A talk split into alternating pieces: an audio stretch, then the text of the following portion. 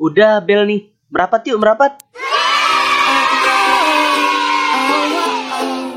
Oke, halo. Assalamualaikum warahmatullahi wabarakatuh. Balik lagi bersama saya, Ma'ruf El Munil dalam podcast Pikir-pikir lagi. Untuk teman-teman yang baru pertama kali gabung di podcast Pikir-pikir lagi, jadi podcast ini adalah podcast yang concern terhadap isu-isu pengembangan diri, isu psikologi dan juga isu-isu kepemudaan. Pada episode kali ini, saya akan membahas tentang mahasiswa adalah sasaran waspada. Ya, begitu. Di sini kita akan sama-sama mengulik tentang kenapa sih mahasiswa itu sering kali menjadi sasaran. Nah, untuk kalian yang kepo, sebenarnya sasaran dari apa aja sih yang saya maksud? Dengerin selengkapnya ya. Yuk, langsung aja kita mulai. 3 2 dan 1.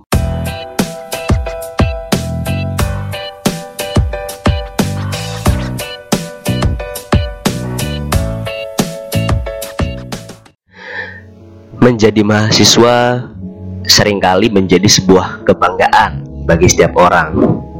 Dan mungkin saya rasa saya pun juga begitu. Dan ketika menjadi seorang mahasiswa, hal pertama yang sering kali ada di setiap benak dari anak-anak baru gitu ya, mahasiswa-mahasiswa baru atau mungkin mahasiswa pada umumnya itu adalah ambisius. Ambisius dalam arti wah saya ingin menjadi A B C D E.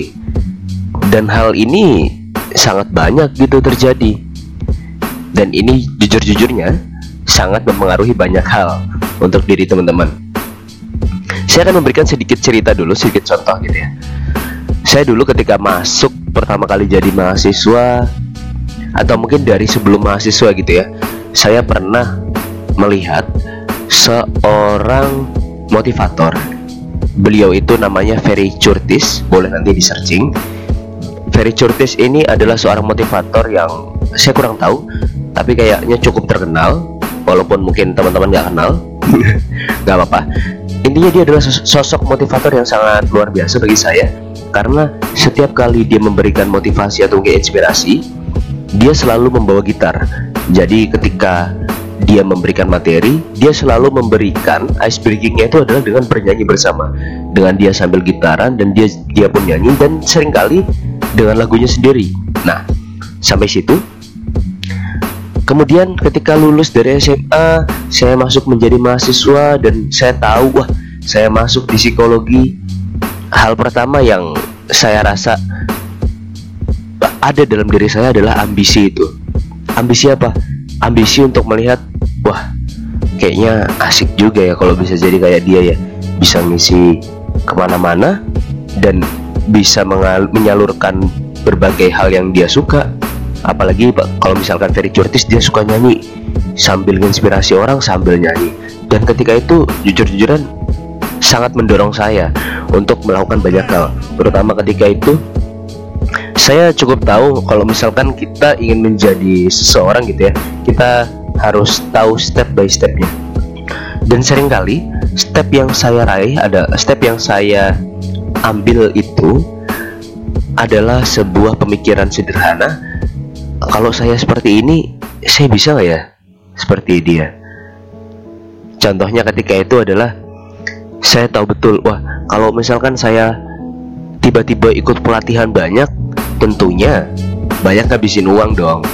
Dan jujurnya kita bukan golongan orang yang kaya-kaya banget. Jadi tiba-tiba langsung ngeluarin sekian juta untuk pelatihan apa pelatihan apa enggak nggak bisa gitu. Jadi ketika itu hal pertama yang ambisi pertama yang akhirnya mendorong saya adalah berwirausaha.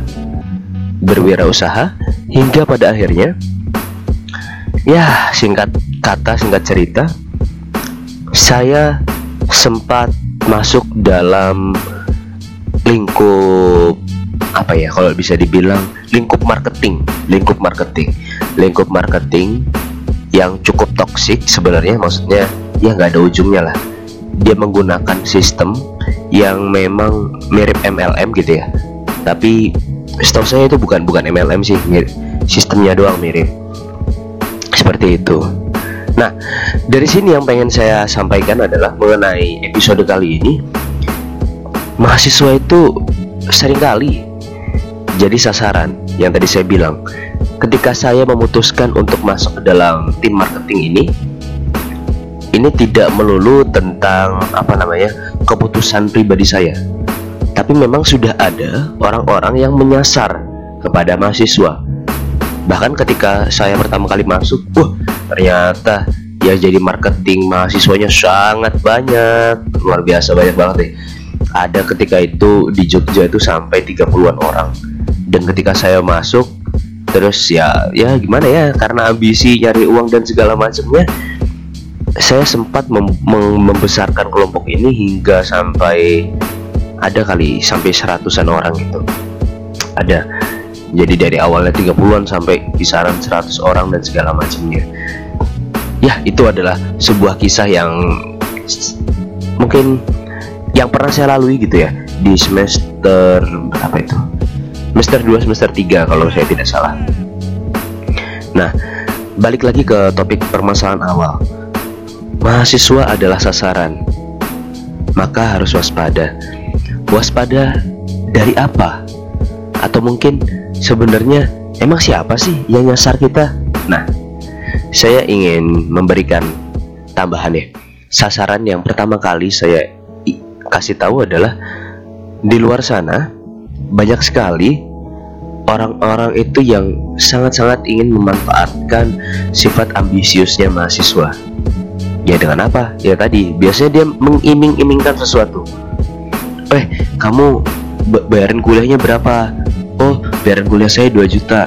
Kamu ngerasa berat gak dengan bayaran kuliah 2 juta? Misalkan saya jawab, oh iya berat. Terus untuk uang jajan gimana? Per minggu 300 ribu. Kamu ngerasa cukup gak? Uh, kurang kayaknya. Terus kamu pengen gak punya duit tambahan? Nah, mulai dari sini akhirnya. Nah, saya punya solusi untuk Anda biasanya dia akan bilang gitu banyak orang itu memikirkan ketika dia kuliah dia kuliah untuk mendapatkan kerja. Tapi ada orang-orang di luar sana yang emang kerja untuk kuliah. Dan sehingga mereka putar balikan fakta itu atau mungkin mereka putar balikan kata-katanya hingga dibuatlah seperti ini. Kamu mau nggak menjadi mahasiswa yang akademiknya luar biasa? Sekaligus nanti ketika wisuda, kamu sudah punya mobil, kamu bawa mobilmu sendiri, dan kamu tahu itu adalah hasil keringatmu sendiri. Nah, kalau sudah seperti ini, gimana? Orang mana yang nggak mau? Dia mau-mau aja. Oh iya bener juga ya. Daripada saya cuma jadi mahasiswa doang, mending saya mahasiswa sebagai dan juga entrepreneur dan juga ya seorang bisnismen gitu ya. Mana orang yang nolak kalau misalnya di awal seperti itu? Intinya cukup banyak tipu-tipu muslihat yang dilakukan oleh MLM ini. Jadi teman-teman harus waspada gitu ya. Itu sebenarnya yang menyasar pertama kali atau mungkin hal pertama yang harus kita waspadai adalah dari apa ya saya sebutnya ya. Hmm, mungkin saya sebut MLM boleh kali ya. Kan nggak ada MLM cukup banyak. Tapi gini teman-teman, memang kadang-kadang banyak di antara mereka tuh gak mau disebut MLM sehingga ya kalian memang harus peka-peka banget gitu. Jadi mungkin saya biasanya bilangnya uh, godaan bisnis bodong yang banyak memberikan janji tapi nyatanya ya nggak beriin apa-apa. Itu oke okay, itu yang pertama. Dan yang kedua kita harus waspada sama apa sih? Nah ini mungkin hal yang menarik juga ya. Saya bilangnya adalah ketika menjadi mahasiswa ya yang harus diwaspadai adalah ini pasti teman-teman mungkin hampir semua mungkin teman-teman ngerasain ini. Yaitu godaan atau mungkin tipu muslihat kakak-kakak senior.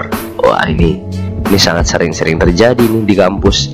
Saya yakin dari ujung timur ke ujung barat dari utara hingga ke selatan di setiap kampus kayak gini ini sangat erat kaitannya dengan apa ya? Mungkin nanti di dalamnya akan saya bagi-bagi gitu ya. Bentuk-bentuk tipu muslihat dari kakak senior ini. Maksudnya godaan-godaan apa? Atau mungkin apa aja sih yang harus diwaspadai dari kakak senior ini? Nih cukup unik. Saya ingin sharing sedikit. Hal ini adalah hal yang terjadi di mana ya? Ya di kampus saya gitu ya. Di kampus saya di kampus saya itu ada budaya di mana ketika kita menjadi mahasiswa baru kita harus ikut yang namanya ospek gitu ya. Semacam ospek gitu di setiap kampus ospek mahasiswa baru dan segala macamnya. Kita sebagai mahasiswa baru ya jelas dong nggak tahu apa-apa. Namanya juga ospek ngikut ya supaya biar tahu. Nah ketika saya di sana saya itu ya seperti yang saya bilang tadi saya cukup ambisius. Saya pengen ke sana kemarin saya benar-benar rasanya tuh haus akan pengalaman haus akan pertemanan. Saya pengen punya teman banyak dan segala macamnya. Wah itu sangat ada dalam diri saya. Lalu ketika saya masuk baru saya menjalani opak ospeknya gitu ya saya menjalani ospeknya ya jelas. Kalau ketika ospek itu jelas kan kita ketemu banyak banget yang namanya kakak-kakak senior gitu ya. Dan saya langsung merasakan memang banyak sekali apa ajakan-ajakan. Dalam sisi di sisi lain juga saya pribadi ya tadi saya bilang karena saya punya sifat ambisius sifat pengen tahu saya sangat suka bertanya. Bertanya banyak hal. Misalkan kayak saya ngeliat, wih kakak ini keren bisa begini di kampusnya. Emang dia ikut apa? Emang dia ngapain di kampusnya?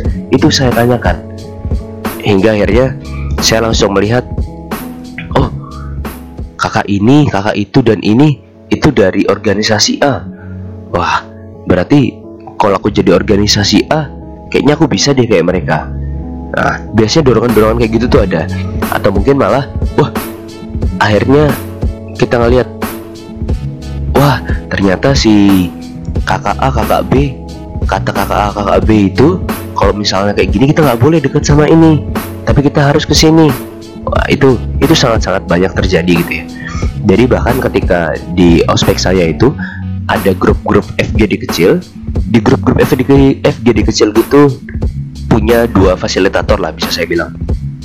Dan dua fasil fasilitator itu ya jujur-jujuran ya secara tidak langsung mereka bukan secara tidak langsung. Mungkin ada yang secara tidak langsung mungkin ada juga yang langsung mereka langsung mengajak ke organisasi yang memang mereka ikuti. Wah ini ini menarik nih. Itu itu terjadi itu terjadi. Dan hal ini ketika saya sudah lalu gitu ya ketika saya sudah masuk semester 2 semester 3 setelah saya paham ternyata saya merasa dibegoin. Waduh merasa dibegoin banget. Ternyata ospek di tempat saya itu sudah sangat dimonopoli sama organisasi tertentu itu. Hingga dari ujung ke ujung seluk beluknya 90% itu ya dari organisasi itu. Maklumlah setiap tahunnya organisasi itu punya masa yang besar. Karena apa? Karena tiap tahun mahasiswa baru ribuan masuk ke suatu kampus ke kampus itu. Langsung panitianya 90% dari organisasi A semuanya konkret. Udah perjanjian oh yuk kita doktrin bareng-bareng untuk ajak mereka. Waduh kurang mantep apa coba itu? Ya akhirnya ya pasti tiap tahun sangat banyak jumlahnya. Itu yang terjadi. Dan sampai sekarang saya merasa wah gila juga nih. Ini kakak kelas kakak kelas cukup banyak pengaruhnya lah untuk mahasiswa baru dan memang ini adalah ini adalah salah satu bentuk kecil gitu ya dari tipu muslihat kakak-kakak senior biasanya untuk ngeramein organisasinya dia atau mungkin malah malah saya sampai tahu malah kadang-kadang ada yang memang dalam tanda kutip menipu hingga dalam bentuknya uang. Misalkan mengiming-imingkan ayo kita bikin kegiatan A B C D E. Tentang-tentang mahasiswa baru kita nggak begitu kenal daerah gitu ya tiba-tiba di, dimintanya berapa terus setelah kita hitung-hitung wah kan harganya nggak nyampe segitu. Acaranya kan nggak gini-gini nggak sebanyak ini kebutuhannya. Oh ternyata kita bisa kita langsung tahu oh ternyata dia untung banyak. Nah itu terjadi. Itu jujur-jujurannya terjadi. Nah makanya hal ini yang pengen banget saya sampaikan ke teman-teman adalah ini saya sudah menyampaikan dua hal yang memang harus diwaspadai sebagai musuh baru. Dan ini bener-bener yang paling real saya saya rasakan gitu ya. Wah terutama di semester 1 semester 2 pertama adalah tadi bisnis bodong atau mungkin MLM dan berbagai macam bentuk lain ya. Lalu yang kedua itu ya tadi tipu muslihat dari kakak-kakak senior. Yang biasanya kalau saya bilang dia ujungnya ada berapa ya? Mungkin ada 2 sampai 3 dalam arti gini ada kakak senior itu ada yang mungkin tujuan dari tipu muslihatnya? Pertama kalau mungkin ke teman-teman yang cewek gitu ya biasanya mungkin ada yang emang pengen modus. Modusnya apa modus pengen deketin orangnya. Hati-hati ini para cewek-cewek.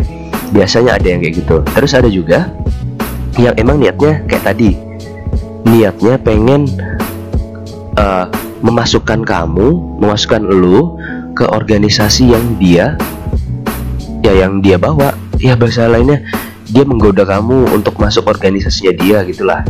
Nah, terus yang ketiga ya tadi bisa jadi ke arah uang dan pemanfaatan macam-macam lainnya. ya, itu adalah sebuah kenyataan gitu. Oke, selanjutnya kalau misalnya ditanya gitu ya, kenapa sih kok itu bisa terjadi? Ya ini ini sangat menarik nih. Hal ini mungkin saya sadari ketika ya ya udah sekarang sekarang ini gitu ya. Sudah saya sadari ketika saya sudah masuk ke semester semester akhir ini.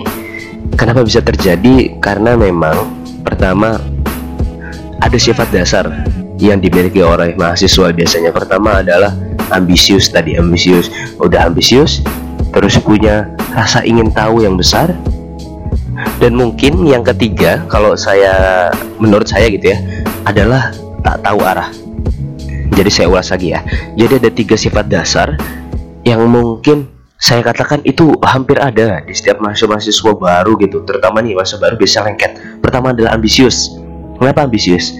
Biasanya ketika orang sudah menjadi mahasiswa baru terutama yang emang udah sesuai sama jurusan yang pengen dia mauin atau mungkin kaitannya dengan cita-citanya dia dia mesti sangat ambisius. Wah aku di kuliah di sini harus mendapatkan IPK yang bagus. Aku harus aktif organisasi. Mungkin dia langsung menargetkan setelah selesai ini saya harus selesai dalam waktu tiga tahun misalnya. Tiga tahun setengah. Biasa seperti itu. Lalu kedua punya rasa ingin tahu yang besar. Rasa ingin tahu yang besar ini biasanya wah kakak ini sudah bisa kumlot gimana ya caranya dia bisa kumlot oh kakak ini bisa juara di kejuaraan ABCD gimana caranya aku bisa kayak dia? Wah ternyata organisasi A itu kok bagus banget ya kelihatannya. Kayaknya asik nih aku harus tahu organisasi ini. Atau mungkin yang ketiga saya bilang tadi tak nggak tahu arah. Nggak tahu arah ini mungkin agak bersifat terbalik gitu ya dari ambisiusnya. Jadi begini teman-teman. Banyak banget kok teman-teman kita mungkin kita sendiri. Kita tuh punya tujuan kita punya cita-cita. Kita punya harapan. Tapi sering kali kita belum tahu caranya gimana. Kita belum mendetailkan langkah pertama apa yang akan kita lakukan. Sehingga akhirnya apa? Ya nggak tahu arah. Kalau udah nggak tahu arah gimana? Ya tadi bisa diarahkan. Bisa diarahkan dengan mudah oleh mereka. Oleh mereka yang ingin memanfaatkan teman-teman mahasiswa baru atau mungkin mahasiswa pada umumnya. Jadi tiga hal ini yang memang teman-teman harus kontrol. Ambisi teman-teman harus teman-teman kontrol rasa ingin tahu dan juga bagaimana mengurangi rasa tak tahu arah ini. Lalu selanjutnya saya pengen ngasih tahu dulu ke teman-teman dampak dampak terberatnya ini apa? Dampak terberatnya dari hal-hal semacam ini adalah ya mungkin di sisi lain ya di sisi lain teman-teman mungkin akan mendapatkan banyak pelajaran dari hal-hal yang mungkin sudah apa ya saya bilang mungkin menyesatkan atau mungkin yang sudah menggait teman-teman di awal gitu. Dan dalam tanda kutip itu pun kalau seandainya teman-teman sadar. Kalau teman-teman nggak sadar gimana? Ya nggak tahu. Contohnya gini. Misalkan ketika teman-teman menjadi mahasiswa baru ketika teman-teman menjadi mahasiswa baru teman-teman tiba-tiba banyak kena doktrin untuk ikut ABCDE lalu teman-teman ikutin organisasi A di organisasi A ternyata ternyata nyatanya sebenarnya buruk. Tapi karena teman-teman sudah terlanjur ada di dalam sana dan terus menerus ya bermain dengan mereka bergaul dengan mereka akhirnya apa? Seringkali timbullah loyalitas. Kalau sudah timbul loyalitas mau dibilang jelek sama orang mana pun ya nggak bakal denger. Ibaratkan begini ketika misalkan teman-teman itu sangat mencintai seseorang mau dijelek-jelekin gimana ya? Bakal nggak setuju bakal terima baik-baiknya aja. Contohnya lu punya pacar terus gue bilang woi cuy pacar lo itu nggak baik kali. Dia kerjaannya itu minum-minum kalau malam. Terus dia tuh suka tidur di kelas nggak pernah belajar nyontek mulu. Nggak pernah bener lah. Ngapain sih lu pacaran sama dia? Nah kalau misalkan lu sebagai orang yang mencintai itu kan nggak bisa kayak gitu. Seringkali kita sudah ngedenial duluan. Kita udah menolak duluan itu. Akhirnya ya udah tetap loyal terhadap dia. Dan itu sering kali membutakan. Jadi memang kalau wah ini kalau bicara loyal cukup panjang lagi. Atau mungkin teman-teman cowok seringnya apa? Tim bola tim bola udah kalah berapa kali aja kadang tetap dibela. Luar biasa gitu kan. Ya itu sangat biasa terjadi lah. Jadi teman-teman emang sangat-sangat perlu untuk mengontrol. Mengontrol apa? Mengontrol diri. Pintar-pintarlah dalam mengambil sudut pandang. Terutama sudut pandang yang lingkupnya luas atau sudut pandang secara sistem ini mungkin akan saya bahas di podcast lain podcast lain. Ya kalau tadi saya bilang teman-teman harus mewaspadainya. Kemudian dampak buruk lainnya adalah ya akan tertanam hal-hal buruk hal-hal negatif dalam diri teman-teman. Saya contohkan sekarang kalau misalkan teman-teman terus menerus ada di MLM ketika terus menerus ada di MLM itu mungkin teman-teman akan mendapatkan untung. Tapi di sisi lain akan ada sisi-sisi dari teman-teman yang ketika pengen ketika bertemu dengan orang baru sering kali melupakan esensi-esensi lain. Esensi apa? Esensi dari perkenalan esensi dari pertemuan esensi dari keingintahuan yang dalam tanda kutip ingin dekat ingin berbagi pengalaman ingin menggali pengalaman. Ini biasanya akan lupa. Lupa untuk apa? Akhirnya malah melakukan ya tadi malah presentasi malah na ngajuin full project. Eh cuy lu pengen gak dapat uang saku lebih? Nanti malah kayak gitu. Dan dan jujur-jujurnya itu terjadi. Ada. Di adalah teman gue yang seperti itu. Atau mungkin kalau yang di organisasi akhirnya karena saking seringnya atau saking lamanya bareng mereka akhirnya terbentuklah suatu ideologi yang akhirnya sudah melekat sama diri. Ini yang sangat bahaya. Misalkan teman-teman itu ada di organisasi A. Di organisasi A hal buruk itu hal-hal buruk yang mungkin hal buruk tertentu gitu ya itu dibenarkan. Lama-lama apa? Lama-lama menjadi hal biasa sama halnya seperti ini kalau teman-teman misalkan di organisasi A B C D E gitu ya teman-teman di sana teman-teman tahu kalau di sana sering kali ngakalin masalah keuangan atau mungkin sesekali makai duit, makai uang-uang yang mungkin bukan seharusnya dipakai oleh organisasi itu. Makin ke sini apa yang terjadi? Mungkin kebanyakan dari teman-teman akan merasakan ya udahlah ya dari dulu juga emang begini lagian juga organisasi ini juga dari dulu tuh kayak gini. Lama-lama tingkat toleransi itu semakin besar. Kita mentolerir ah ini bukan masalah kecil. Ini kan cuma uang uang berapa? Ya ini kan ngerasa oh ini kan ada aku ada aku karena ada ngerasa kayak gitu. Itu aduh. Ya saya harap teman-teman nggak kayak gitulah. Dan terakhir saya bilang lagi waspada hati-hati teman-teman kalau misalkan teman-teman sekarang ada di suatu tempat dalam arti jika kalau seandainya teman-teman sekarang sedang berdiri di mana pun itu dalam tanda kutip mungkin organisasi mungkin pertemanan mungkin pergaulan gitu ya coba sekarang ya kita refleksiin dulu. Kita mendapatkan manfaat apa dari sana? Kita mendapatkan manfaat apa dari sana? Ini adalah filter pertama. Tapi saya akan bilang lagi belak-belakan kita nggak bisa semata-mata memasang filter ini. Mendapatkan manfaat apa? Karena sering kali orang-orang yang memanfaatkan kita atau mungkin yang menjadikan kita sebagai sasaran memang sengaja memberikan manfaat yang banyak untuk kita agar supaya apa? Supaya kita bisa memberikan manfaat kepada mereka. Jadi memang orang-orang atau mungkin oknum-oknum tertentu memang sengaja membuat sistemnya seperti itu. Kamu dikasih A, B, C, D, E hingga kamu ngerasa nggak enak akhirnya kamu pengen merasakan atau mungkin kamu ngerasa punya tanggung jawab oh aku tuh udah dikasih sama mereka. Oh ya udahlah paling nggak aku harus ngasih A sampai C. Itu sering kali terjadi. Dan bahkan itu di beberapa daerah itu sudah menjadi sistem. Itu sudah menjadi sistem parahnya sehingga filter, pertama tadi kalau tadi saya bilang apakah bermanfaat? Ya pertama adalah apakah bermanfaat? Lalu selanjutnya adalah apakah benar?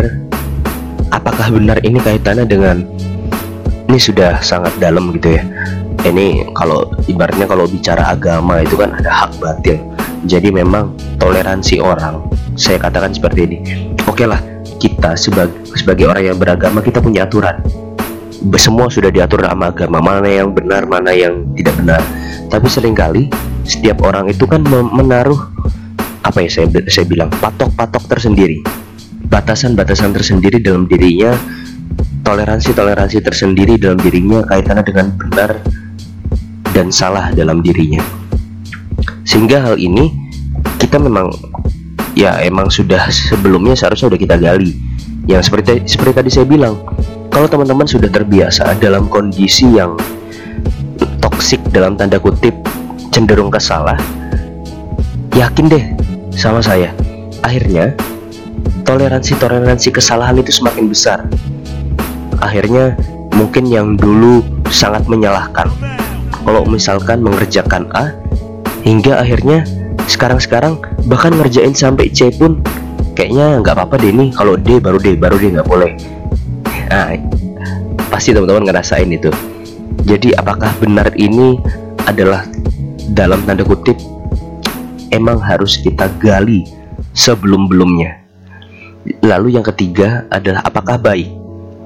Apakah baik ini saya di sini menjelaskan lebih kepada apakah baik jika diteruskan jadi kontinuitasnya.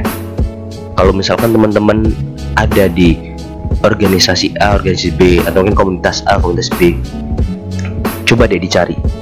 Apakah baik kalau semisal kita terus menerus ada di sini?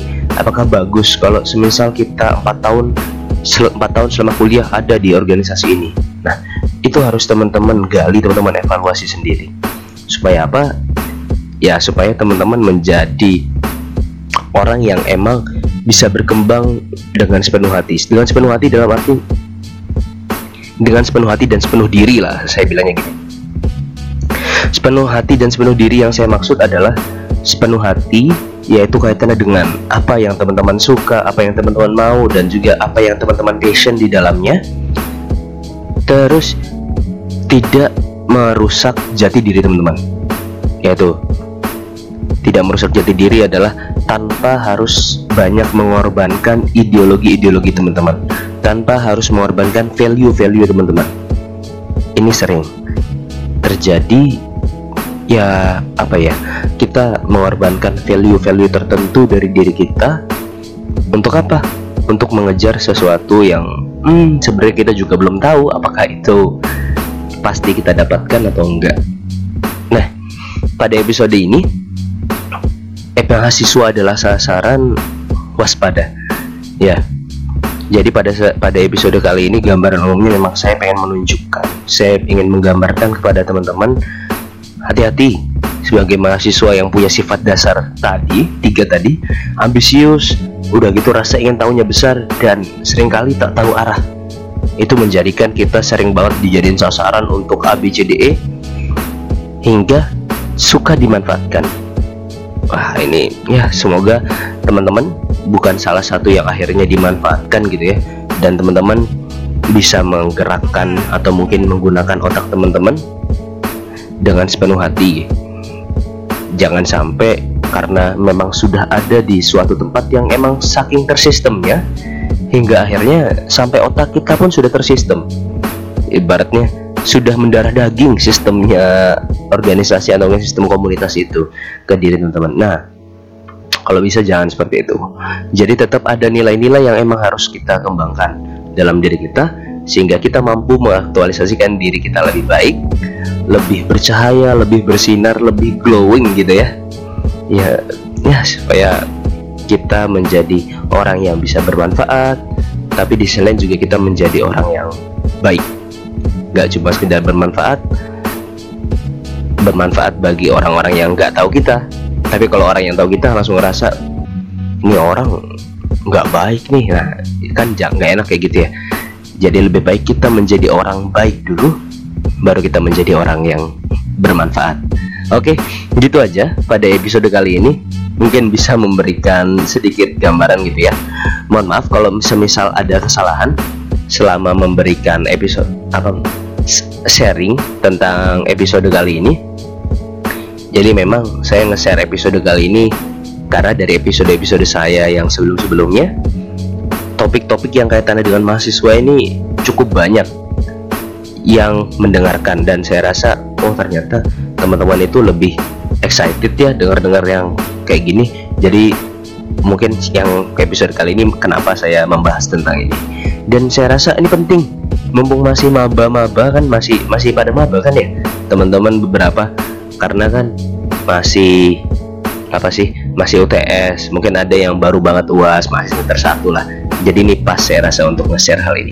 Oke gitu aja untuk episode kali ini. Jika dirasa episode ini adalah episode yang bermanfaat buat teman-teman boleh banget teman-teman rekomendasiin podcast ini episode ini ke teman kalian yang semoga mendapatkan manfaat yang sama seperti yang teman-teman dapatkan atau mungkin bisa sekedar review episode ini terus share. Mungkin bisa di story atau mungkin bisa langsung share via dari Spotify gitu ya.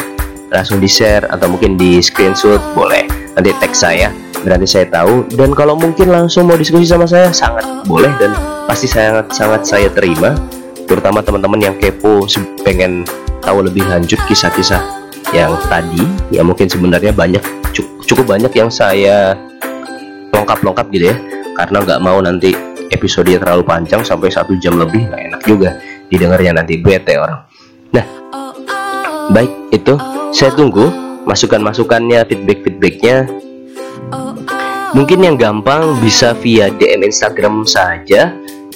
Akun saya di Maruf El Munir ya nanti bisa langsung DM kita nanti akan diskusi di sana ataupun nanti bisa via WA bisa berlanjut. Oke okay, begitu. Wassalamualaikum warahmatullahi wabarakatuh. Terima kasih udah dengerin podcast pikir-pikir lagi